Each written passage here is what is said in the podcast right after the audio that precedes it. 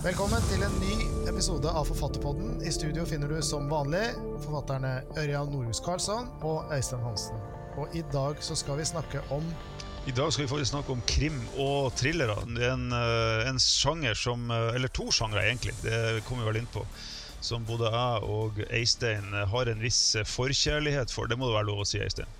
Ja, absolutt. Det er, det er jo det vi holder på med. I hvert fall er det bare det jeg holder på med. Du driver jo i fusker enda flere sjangere. Men for å spørre deg først, da. Hva er det som fascinerer deg med krimsjangeren? Hva kjennetegner den? Hvis du ser bort fra litt sånn fantasy og sånne ting, så er det vel den sjangeren jeg har lest uh, lengst. Det går jo helt tilbake til Hardyguttene, ikke sant. Den klassiske greia med at det har skjedd noe Eh, et tyveri eller noe noen har sett noe som ikke burde være der, eller et eller annet sånt. Og så skulle disse to gutta Hva det heter for noe, forresten? Frank og Hva faen heter han andre? Joe, er det vel? Frank og Joe, tror jeg var. Ja, Frank og Joe er det. ja. Yep. Eh, og jeg tror jeg leste alle sammen, hadde hele serien og var, var veldig opptatt av dette. Og, eh, og, dette mysteriet, altså at noe skal løses, og hvem står bak, var jo selvfølgelig det mest, mest fascinerende for, en, for, et ungt sinn, i alle fall. Ja, altså Det er ikke tvil om at det var der eh, min fascinasjon for uh, spenningslitteratur generelt også begynte. da, fordi det var, um, uh, det var et møte med en ny form for litteratur hvor det hele tiden sto noe på spill.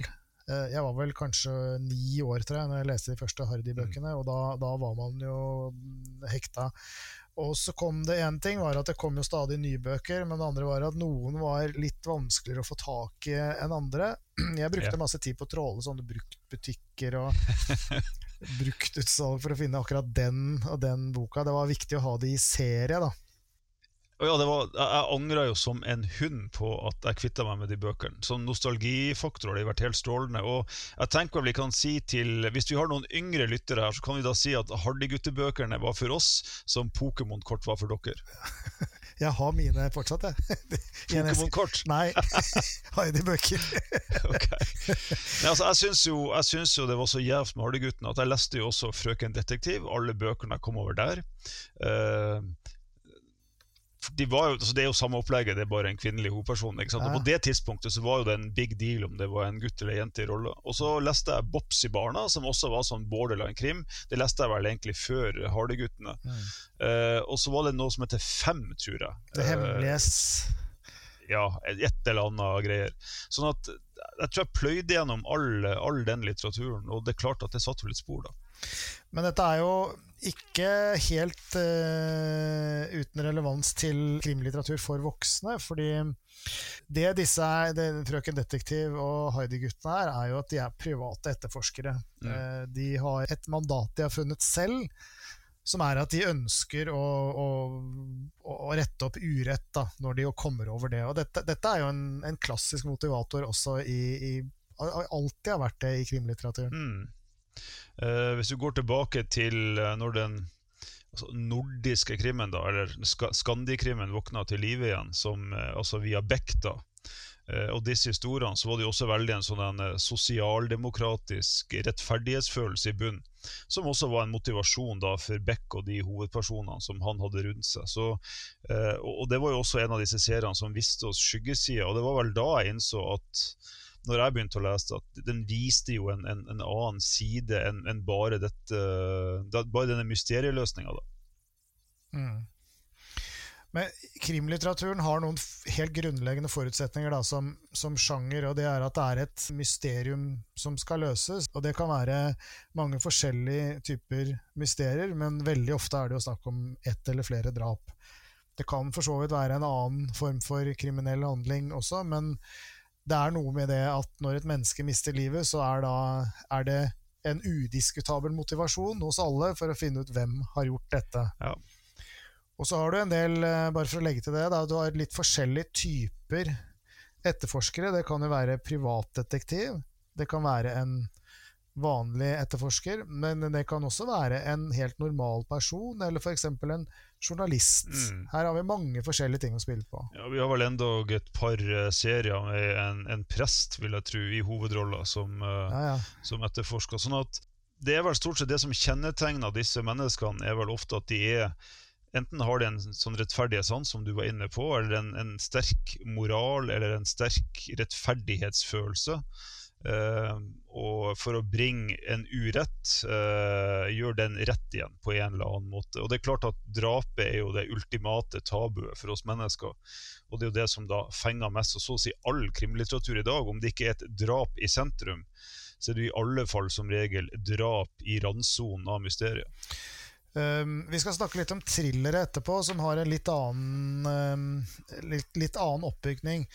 Men hvis vi holder oss til krimlitteraturen først, da, så har vi jo i Norge så har vi jo en ganske stor og vital uh, gruppe aktive krimforfattere etter hvert. Og flere av dem er jo oversatt til mange språk og har um, uh, opplevd i hvert fall en viss internasjonal suksess. Noen veldig stor internasjonal suksess, som spesielt Eh, jo Nesbø og, og, og, sikkert også Jørn Lier Horst, men det er ganske mange av oss. Eh, hvor mange medlemmer er det i Riverton-klubben, forresten? Jeg sjekka det sist, vi ikke over sånn 120 noe sånt? Ja, ja. Så det er jo noe. Ja, nei, altså det... uh, alle er vel ikke aktive, men Nei, men, men, det er klart at uh, Jeg tror at hvis du ser Skandinavia under ett, så er det svært mange forfattere som, uh, som produserer krimfortellinger. Og ikke bare det. vi vi har jo også veldig mange gode TV-serier etter hvert også, med 'Forbrytelsen' og 'Broen', eh, som i alle fall for meg er de to fremste favorittene. Et eksempel på en bok som er en interessant bok synes jeg, å diskutere innenfor krimsjangeren, er en som kom for faktisk sju-åtte år siden. Det er ikke en norsk forfatter, det er en amerikansk kvinne som heter Marisha Pessel. Hun skrev en bok som heter Night Film. Og jeg opplever det som en krimhistorie, men den har en del andre sider ved seg som gjør at den er også uh, Den henter inspirasjon fra veldig mange andre univers. Du har også lest samme bok, skjønner jeg? Ja, jeg har faktisk lest den på norsk, og den heter 'Nattfilm' på norsk, for de som kunne tenke seg å, å lese den på, på, norsk. Ja, Den anbefaler vi begge to. Varmhjerta. Og den er jo, som du sier, veldig annerledes. Det er sånn Når du begynner å lese den, så er du litt usikker på hvilken sjanger den faktisk er, men det kommer ikke i veien for leseropplevelsen, syns jeg. Eh, det første som sprer seg, er jo en, en slags sånn uhyggesfølelse. Den kommer ganske, ganske tidlig. Det denne boka klarer som er veldig verdifullt for krimsjangeren, det er å skape som du sier, et mystisk univers et uhyggelig univers. Man får en stemning her som Du blir med, da, hovedpersonen som ønsker å finne ut hva er det egentlig som har skjedd her, hva er det man står overfor. Og det er ganske uklart, egentlig. Den, den, den, den bruker stemninger vel så mye som handlinger, som en sånn uh, ja. si, motivator for å, for å, undersøke noe. Og det er litt unikt. Altså, jeg vil gå så langt som å si at, uh, at nattfilm er vel en av de moderne bøkene i alle fall, som jeg har lest, som, som kommer lengst i å kanskje modernisere dette noir-begrepet. altså denne følelsen av undergang og, og, mørke og dysterhet som du finner i en del av disse pulp-romanene fra 50- og 60-tallet i USA. Særlig da Raymond Chandler skrev jo mange sånne. Og det, Noe av den stemninga føler jeg at, at nattfilm uh, nærmest sånn videreforedler. Den bruker også bilder og, og kartreferanser og, og, sånn som ikke er så vanlig i litteratur, i hvert fall skjønnlitteraturen. Her er det gjort fikst eh, på en sånn måte at man blir, man blir Det øker spenningen, det øker interessen hos leseren til å finne ut hva det er som har skjedd. Og så har man jo den, si, den personen det, det, letes etter her, som man, som man forsøker å forstå, er jo en veldig tilbaketrukket, mystisk filmregissør som har laget skrekkfilmer. Mm. Eh, og da blir det dobbelt interessant for en som har fusket litt i det faget selv, og ellers har sett det meste, i hvert fall som har kommet ja. ut før, før 2000-tallet. Eh, og jeg tenkte med en gang at denne skikkelsen her må være bygget på Dario Argento. Ja. Det var det jeg kom til. Vi var vel begge to uh, enig i, uh, i, akkurat det. Du sa jo også sånn Tobe Hooper kunne ha vært en, uh, en mulighet. Han er jo fyren som f.eks. ga oss Motorsagmassakren. Men, men Dario Argento, som har f.eks. laga Suspiria, og en del andre ganske skumle, skumle filmer, jeg, jeg, tror han er en god kandidat. Mm. Jeg tror vel også dette kanskje bare er jeg tror det er den andre boka til Marisa Pessel. Uh, så, så, det er jo veldig godt gjort. Det jeg tror er to spesielle ting å trekke fram med den boka. Det ene er at handlingsuniverset dreier seg om et miljø som knytter seg til en, mm. eksentrisk, folkesky skrekkfilmregissør. Det er i seg selv et ganske interessant skikkelse. Som har bygget opp en slags uh, minikult uh, rundt seg selv, i hvert fall slik opplevde jeg boka. Og hadde et sånt veldig tilbaketrukket slott etc. som han oppholdt seg på. Samtidig så er den et veldig fint urbant portrett av, av, av New York, ja. som er i hvert fall mye av handlingen foregår i. Og, og og den er et kjempegodt eksempel på setting. Ja. Altså Man må sette historien et sted. Det er noe vi, vi sikkert har snakka om før, og som vi garantert kommer til å komme tilbake på. Men hun klarer å lage en sånn som man, man, sier på engelsk, sånn sense of place. Du, du, bare vet at du er der, og du, du, Det blir ikke en hvilken som helst by, det blir akkurat den byen, og det er de særtrekkene, og det er, det er, det er også godt gjort. Jeg tenkte jo at fra Pessels i nattfilm, som er, eh, som du var inne på, en ganske eh, jeg vil ikke si sær, men den er nok ganske spesiell innenfor krimsjangeren. Så tenkte jeg skulle gå over på en av de bøkene som jeg har valgt. Det er en norsk forfatter. Og uh, han heter Frode Granhus. Uh, før, han, uh, før, han, gikk bort så altfor tidlig, så, så, skrev han jeg tror det var fem bøker som er satt i, i Salten-området, altså Bodø, Lofoten, det området der. Og, og, det han egentlig har til felles med, med Marisa Pessel, er også at han er veldig flink til å etablere akkurat den delen av, av Norge. Eh, naturen, spiller, naturen og miljøet spiller veldig med i, i, de, i de, romanene han, han skriver. Eh, den siste jeg, jeg leste han var eh, er Kistemakeren, da, der den foregår på, på Reine i Lofoten, som er en veldig liten plass. Og Han oss, han er en av disse forfatterne som Vi har en del av dem i, i skandinavisk krim, der du har denne eh, enslige og tidvis ensomme eh, politietterforskeren som, som sjøl er i den uh, rolla på dette lille lensmannskontoret, og det har skjedd noe uhyggelig. Uh, men han forholder seg bare til helt vanlige innbyggere. ikke sant? Det er vanskelig å finne ut hvem er det som har gjort det. Alle er i utgangspunktet ser det ut som helt vanlige mennesker. Og så er det jo dette om å gå bak kulissene. ikke sant? Uh, se, det, se, hva som ligger bak de normale fasadene. Sånn at det er en sånn klassisk hverdagskrim tror jeg blir feil, men det er i alle fall en krim som viser hva som er bak de dørene uh, som er låst, og de vinduene som er lukka.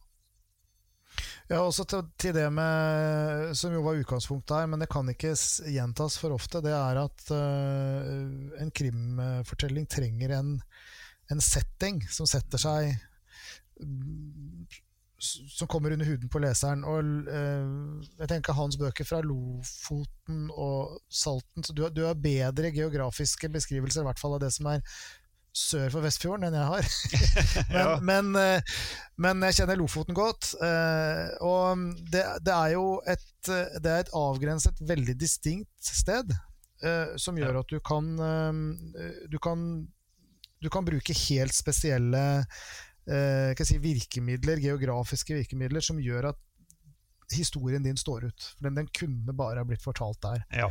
Og det tror jeg er en viktig ting da, når man skal skrive. Det er også å se hva, det, hva, slags setting kan være unikt for mitt prosjekt. Og jeg tror vel Det viktige her da er at hvis du, hvis du velger et, et uh, område eller en setting uh, som er spesiell, som har noen klare karakteristikker, så tenker jeg også at det neste spørsmålet du må stille deg, er hva gjør den med de som bor der?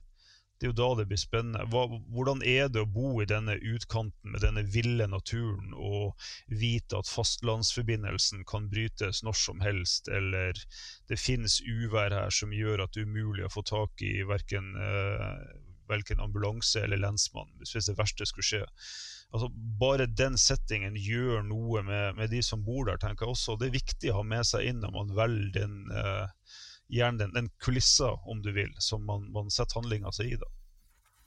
Det du beskriver der, er jo også ytre omstendigheter som kan brukes dramaturgisk som hindringer. ikke sant? Du er fysisk avskåret fra noe. Det er kanskje en, det er en sikkerhet du ikke har, i form av at politiet kan ikke komme fram, du kan ikke bli hentet ut hvis du er skadd, du kan ikke få kontakt med folk helt klassiske virkemidler, men, det, men f.eks. et sted som Lofoten, hvor det er værhardt, så er det jo helt sannsynlig. Og da ser man hva, hvilken betydning Eh, settingen får, da, stedet, geografien får. Og du har sikkert også Eistein, irritert deg over uh, krimforfattere som, som, bruker veldig mye energi på å forklare hvorfor mobilen akkurat nå slutter å virke, eller hvorfor man ikke får tak i noe man får tak i hele tida ellers, når det liksom står mye på spill. Mens i en plass som Lofoten så er det ikke vanskelig å rettferdiggjøre at noe sånt kan skje, rett og slett fordi at det skjer jevnlig. Det er bare å, å, google det, og så ser man at det er titt og ofte at man mister veiforbindelse eller strøm eller telelink. En annen bok, hvis jeg kan eh, spille inn det, eh, som jeg har lest flere ganger, og som jeg stadig kommer tilbake til som en referanse, det er en eh, bok som heter The Killer Inside Me fra 1952. Eh, en amerikansk forfatter som het Jim Thompson. Eh, han skrev Eh, det som da ble karakterisert som kiosklitteratur, rett i paperback. Eh, men etter hvert så har man jo blitt eh, oppmerksom på hva, hvilket fortellertalent han var, og hvor, hvor godt han behersket um, krimsjangeren. Og akkurat 'The Killer Inside Me' er kanskje regnet for å være, hvis ikke det beste, så i hvert fall et av de beste verkene hans. Det er ikke noe lang bok. Hvis man ser på filmuniverset, så ville man kalt det en caper, fordi at uh, det er egentlig the bad guy som er hovedpersonen. Man følger en, en sheriff, eller han er assisterende sheriff, mener jeg, Lou Ford, som er en sadistisk sosiopat. Man følger hans reise som mislykket menneske. Han hater jo både seg selv like mye som han gjør omgivelsene, men historien bygges rundt at han stadig tråkker over nye grenser. Og I løpet av historien så begår han jo også flere drap eh, og plager andre mennesker og er eh, også eh, seksuelt sadistisk. Altså Det er ikke noen hyggelig historie, den er mørk, mørk, mørk historie. Mm. Men den er, den er, en studie i virkemidler i den mørke enden da, av ja. krimsjangeren. Hvis jeg ikke husker feil, så tror jeg vel også at han er en av uh, Jo Nesbø sine favorittforfattere. Ja. Jeg tror Jo Nesbø trakk frem den uh, Population 1280. Mm som, som, også har en sånn småbysetting, og som er ganske sånn mørk og, og creepy. Så uh, jeg tror vel noe av greia Altså Det man har gjenoppdaga med Thomsen, er vel at han burde vel hatt samme æren og, og, og rampelys som eh, f.eks. Chandler, tenker jeg. Det mest interessante med den boka er at den tør å ta uh, røre ved vonde ting og bruke mm. det som bærende elementer i en egentlig ja, en veldig mørk historie. Og det er, eh, det er også krim. Ja, og, og nå er vi jo egentlig inne på, på mørke historier og litt noir. Altså En av mine absolutte favorittkrimforfattere er en fyr som heter Philip Kerr. Han hadde faktisk gleden av å møte en gang også. Eh, han har skrevet en uh, serie om en eh, privatdetektiv som heter Bernhard Günther. Og den første boka hans den finner sted i, i, i Tyskland før, før andre verdenskrig. Sånn på, på midten, slutten av 30-tallet. og det som er interessant med, med Kerr sine bøker, er jo at for det første så er de et, en studie, tenker jeg, i tenker jeg, i eh, noir-sjangeren som sådan. Og da er jo egentlig uh, altså førkrigstidas Berlin et, uh, et, en herlig plass å sette den. Og for det andre så, så følger vi hovedpersonen gjennom, uh, altså inn og gjennom krigen. og det er jo, Jeg tror den første heter Marsfiolene, og så har du Den bleke forbryteren som er andre bind. Og så har vi da en triologi som man etter hvert har utvida om, om den samme hovedpersonen. Og, og, da er vi inne på en, en annen type krim som, som, er tenker jeg, veldig vanlig. Jeg lurer på om nesten har hatt en liten renessanse nå sånn nylig. Det er disse historiske uh, krimmene. Altså de, tar, uh, de, tar, uh, de finner sted i en historisk periode, og så bruker de en stor begivenhet som kulisse. altså i dette tidspunktet, da, det som skjer før og under den andre verdenskrig. Og så blir det beskrevet da, gjennom øynene til denne etterforskeren, som gjør dette interessant. fordi at han han har ikke noen bindinger til nazistpartiet eller noen ting som helst. Han er bare en, en vanlig tysker som opplever de forandringene som skjer, og vi, vi, vi, ser det gjennom hans øyne. Samtidig som han selvfølgelig løser disse gåtene og driver på med sin etterforskning. Og I dag så synes jeg vi ser mange sånne varianter der man ofte har todelte fortellinger. altså Man har gjerne en fortelling som skjer i nåtid, og så har man en eller annen figur som har et tilbakeblikk til en hendelse som skjedde under krigen, eller den kalde krigen, eller en annen dramatisk periode, som da bindes sammen på slutten av historien. Da føres disse to historietrådene sammen. Det er også en veldig sånn vanlig, et vanlig grep, vil jeg si. Ja, vi har jo eksempler på øh, norske forfattere som har gjort det der med stort hell. Kjell Ola Dahl, f.eks. Um, Helt klart. det man beskriver der, er jo egentlig også setting. Oh, ja. Og så er det kanskje litt befriende for uh, å skrive om noe hvor det er noen, noen, flere begrensninger i hva man kan finne ut hvor raskt. I, i vår digitale tidsalder så er jo liksom all informasjon tilgjengelig med et knips, mm. nesten. Det er veldig fint å skrive om et univers kanskje hvor det ikke er sånn. Um, vært, det er kanskje noe man kunne prøve på et, eh, etter hvert. Jeg har ikke våget meg på den sjangeren ennå, men eh, det, det kan være noe med Skriv den store andre verdenskrig-krimen. Ja. ja. En annen uh, å trekke fram der, Robert Harris, 'Enigma'. Ja. Uh, som jo også er en utrolig spennende historie. Det er jo en thriller, da, ikke en krim. Jeg syns det var en veldig elegant overgang til faktisk thrilleren. Altså, 'Enigma' er helt klart det. Og jeg hadde faktisk ei bok jeg, liggende foran meg her som også Robert Harris, som også er en thriller, og som handler om andre verdenskrig, nemlig 'Fateland'. Som, eller egentlig etter den andre verdenskrig, da, som også er en fantastisk historie. Og den vil jeg også si er en thriller, egentlig. Han, eh, han, har skrevet mye bra. Eh, det, den, eh, nå husker jeg ikke tittelen på han, men den hvor han beskriver den der, forfatteren som skal Eh, skrive memoarene til Ghost. Ghost, ja, som skal skrive memoarene til den britiske statsministeren. Det er også en helt utrolig spennende historie. Nei, altså Harris er nærmest en sånn masterclass i kanskje, kanskje brytningspunktet mellom, mellom, krim og thriller. Kjennetegnene ved en thriller kontra krim. Uh, hva kan vi si om det? Vi kan antakeligvis si ganske mye om det, men uh, altså Jeg har ofte tenkt, hvis man, hvis man bruker en, en film da, eller en TV-serie som, som, målestokk på det, så hvis man så for seg danske forbrytelsen, som jeg tror de fleste har sett, så har det skjedd en, en grusom handling eh, mot eh, bortførelse av, av, små barn. Uh, og man skal oppklare dette her uh, fryktelige saker. Uh, versus man har vår venn i 24, Jack Bauer, som har ganske nøyaktig 24 timer på seg til å redde verden, eller som regel New York eller en annen amerikansk storby, fra en katastrofe.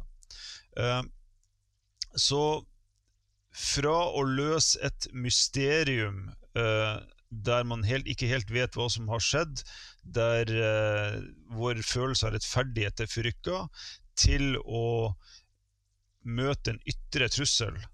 Uh, der man kanskje i stor grad er begrensa av tid. Og Hvis jeg kan prøve meg på en ting til, det her er godt mulig at du er enig med meg, men i krimmen så er mye I en krim så er ofte etterforskeren det viktigste elementet. Bli kjent med han, kom over huden på vedkommende, finne ut hvordan hun tenker. Mens i en thriller så er det ofte det som står på spill, eller selve hovedhendelsen, som er motoren i, uh, i historien, og mindre kanskje den som er satt inn for å hindre at det forferdelige skjer. Jeg har ofte definert det slik at for meg selv at en thriller er, eh, er en historie der hovedpersonen er satt i en Eh, i en situasjon der eh, den eller de er nødt til å løse et problem, og, og, og hvor de ikke har noe kontroll over de ytre omstendighetene, og hvor det veldig ofte går ei klokke. Det må skje innen et visst tidspunkt. Enten innen 24 timer eller en eller annen ja. hendelse. Det handler om å forhindre at katastrofen skjer. Egentlig så er det det beste eksempelet jeg har på sammensmeltingen av krim og sjangeren og thriller, er seriemorder thriller. Ja. fordi at der har du en etterforsker som følger alle de normale etterforskningsstegene du finner hos, en, altså hos den, si, protagonisten i en krimhistorie. Men man skal hele tiden forhindre at det neste drapet skjer. Ja. Så det går en kontinuerlig klokke fram til neste drap, neste drap. Vi, vi snakka litt i forkant om noe som var litt sånn i grensesonen mellom eller randsonen mellom krim og thriller, og, og, kanskje litt på utsida av det også, er jo en av de mest spennende bøkene jeg har lest, uh, er Das Båt, eller Ubåten. Uh, det vil jo jeg si er en, en thriller av, uh, av, dimensjoner. Hvis man ser den originale, det var vel film tenker jeg, som ble laga for mange år tilbake, så er man jo faktisk mentalt sliten når den er ferdig. Uh, det er så mye pinging. Ja, ja den, er, den, er, den, er, direkte slitsom å se på, for at det er så intenst. Men, men der har du jo rett og slett noen som er sittet i en fullstendig umulig situasjon, og som, eh, når du leser den eller ser den for første gang, egentlig ikke er så sikker på om de klarer å komme seg ut av en gang. Altså det, er en, det er en sånn type eh, roman som faktisk er er veldig, veldig besnærende. Og, og, og, boka er jo, Da kommer du veldig mye nærmere inn på disse hovedpersonene, noe som da gjør at du for det første bryr deg mer om dem, og for det andre syns at det blir veldig nært og tett, og, og da veldig bra. Men det er nok en, en, thriller som Du kan like gjerne kalle det for et, en, en drama. Et drama, altså. Det havner greit inn i den kategorien også. Ja, ja, det er ikke tvil om det. fordi det er jo så mange av disse relasjonene mellom mannskapet på ubåten som er viktig for, uh, for spenningen i historien. Mm. Altså for, for, for, hva som faktisk står på spill her. fordi like mye som de jages av uh, allierte ubåtjagere, så gnager de jo på hverandre. Ja. Inni dette innestengte blikkboksen av en, av en farkost under vann. Det er jo en helt forferdelig klaustrofobisk situasjon å være i. Ja, Det er en sånn dobbel situasjon der du ser at besetninga går i oppløsning, og ubåten, altså skallet som beskytter dem, er i ferd med å gå i oppløsning. Uh, så det er en sånn dobbeleffekt der som er, er ganske intens og, skummel, og veldig bra turnert. altså. Og For de som ikke har sett den, så kan i hvert fall jeg for min del sterkt anbefale TV-serien Das Boot, uh, som ligger på NRK. Som jo også utvikler det dette dramaaspektet i større ja. grad og tar mer av handlingen inn på land, men det er jo fortsatt dette ubåtjagervesenet som er eh, Eller det tyske ubåtvesenet som er, eh, er, er, den drivende linjen da, i historien. Men hadde du trylla frem en thriller også, eller? Ja, jeg har opptil flere, men det er én jeg er ganske fascinert av. Det er eh, Fredrik Forsyths uh, bok fra 1973, mener jeg, eller 74, som heter The Dogs of War, som handler om en liten gruppe leiesoldater som blir uh, uh, hyret på av en britisk industriherre for å rett og slett overta å få kontroll med et lite afrikansk land, der det er naturressurser som, som man eh, vil ha kontroll med. Den er veldig sånn preget av sin tid, på en måte, så den er ikke så hard i beskrivelsen som en slik mm. historie ville vært nå. Eh, likevel så beskriver den hva slags mennesker som finner på å leve av å si, leie seg ut som soldat for kommersielle interesser.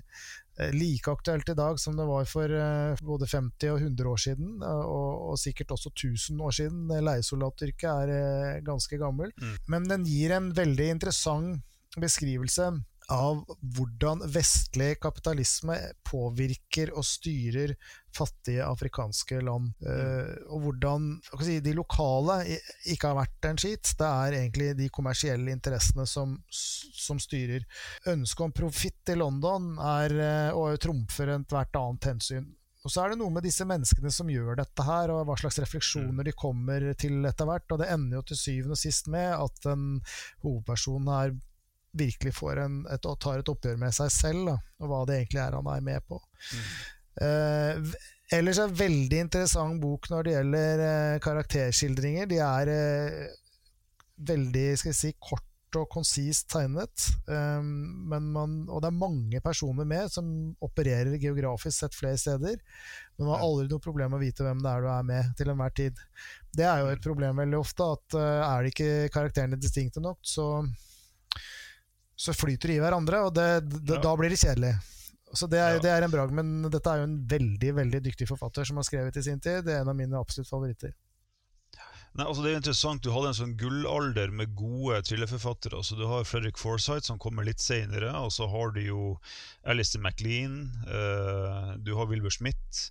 Uh, mange av disse som, uh, som skrev, og Alistair MacLean altså, har jo noe av den samme dette med at du har en liten styrke og de er, har få ressurser og umulige odds, sånn som styrke 10 fra, fra Navarone, eller ja. kanone på Navarone, eller ørnerede for den saks skyld. ikke sant? Fantastiske ja. thrillere. Men jeg vet at det er en Nå snakka vi om gamle bøker, vi begynte jo med Das Båt og, og, alt dette. Hvis man ønsker å lese en rivende god, moderne thriller, så er det jo én forfatter som både jeg og du har eh, veldig sans for, det er jo Dan, Wils, eh, Don Winslow. Ja.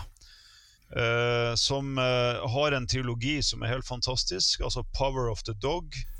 The Cartel og The Border.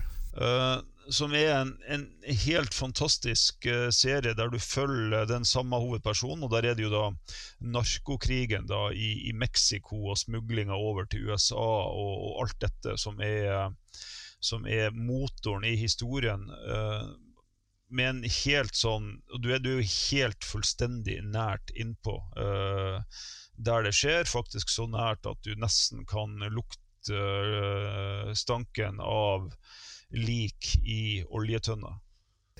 Jeg har ikke noen annen beskrivelse på den trilogien der enn at den er episk. Det er som å lese Hobbiten, men satt i, i, i narkokartellene og narkokrigen som som har vært ført over flere tiår mellom USA og Mexico. Personskildringene og enkeltskjebnene brukes rått og effektivt for å fortelle hva kostnaden egentlig er ved denne skal vi kalle det industrien. Da, det, man, man, kan ikke beskrive det som noe annet.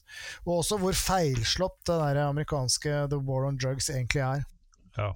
Nei, jeg tenkte å dra det over eh, mot eh, en annen norsk velkjent thriller. 'Orions belte' av Jon Michelet. Ja. Den kom en gang på 70-tallet. I sin tid i hvert fall, så var det noe nytt og friskt og skikkelig over den som man ikke i like stor grad hadde sett i norsk litteratur. Det er en gjennomarbeidet eh, spenningsroman som foregår på et veldig spennende sted. Eh, I hvert fall mye av handlingen foregår på Svalbard. Og den har et storpolitisk plott i, i bakgrunnen. Også her står mye på spill. Eh, flott bok. Eh, det ble en veldig spennende film i, i, sin tid også. Så har du en annen, Jeg kan trekke fram en annen en også, som, som, på en måte var den første norske finanstrilleren. En kule. Tom Christensen. En kule, og etterpå kom vel Whitewater også, som er sånn to veldig kule bøker mm. i det miljøet. Men, men, det er interessant, altså for å gå tilbake til Orion Spelte, forresten. Uh, altså den hvis du ser på mye av det som skrives av, av thrillere og spenningslitteratur i Norge i dag, så er det jo det samme altså den politiske thrilleren, forholdet vårt til Russland. Du har eh, skrevet om det, jeg har skrevet om det. Kollega Gard Sveen eh, har, har, det som tema. Eh, Erik Vekre har det som, som tema, tema, i en del av det han har skrevet. Altså, dette er noe som er veldig potent, som ligger der. Eh, som, eh, og som hele tida, som du var inne på tidligere, det lager en naturlig backdrop. Du trenger ikke å forklare så mye. Man, man lever jo i den settinga, og så spinner man historier rundt eh, hvordan, hvordan, virkeligheten faktisk er. da. Både når det gjelder krim, øh, men også thrillersjangeren, så er jo forfatterne i veldig stor grad ute etter å finne en eller annen realistisk ramme, og da blir det mm. ubønnhørlig sånn, og det er, en, det er, en, fin konsekvens av å skulle ønske å gjøre noe spennende, er at man er nødt til å sette seg inn i samtiden.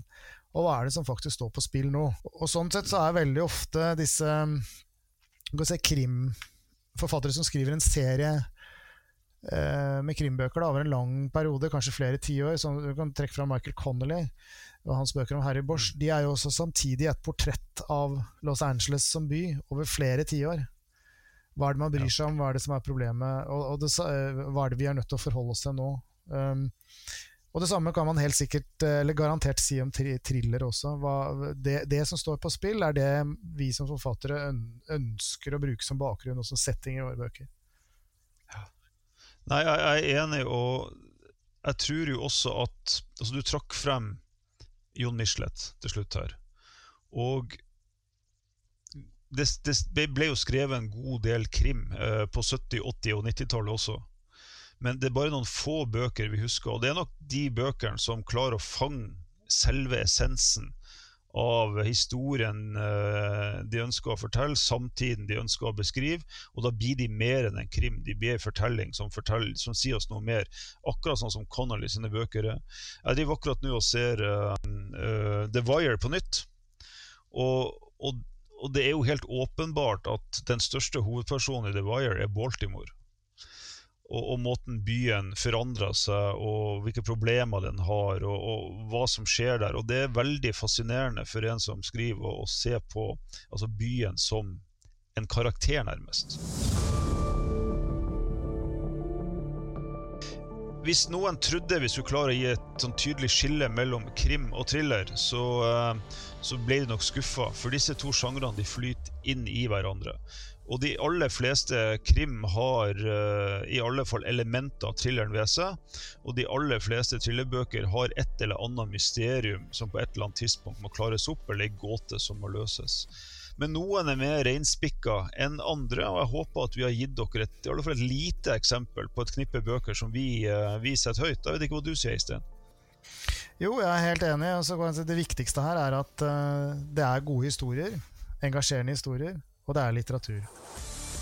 Takk for at du hørte på. Høres neste gang.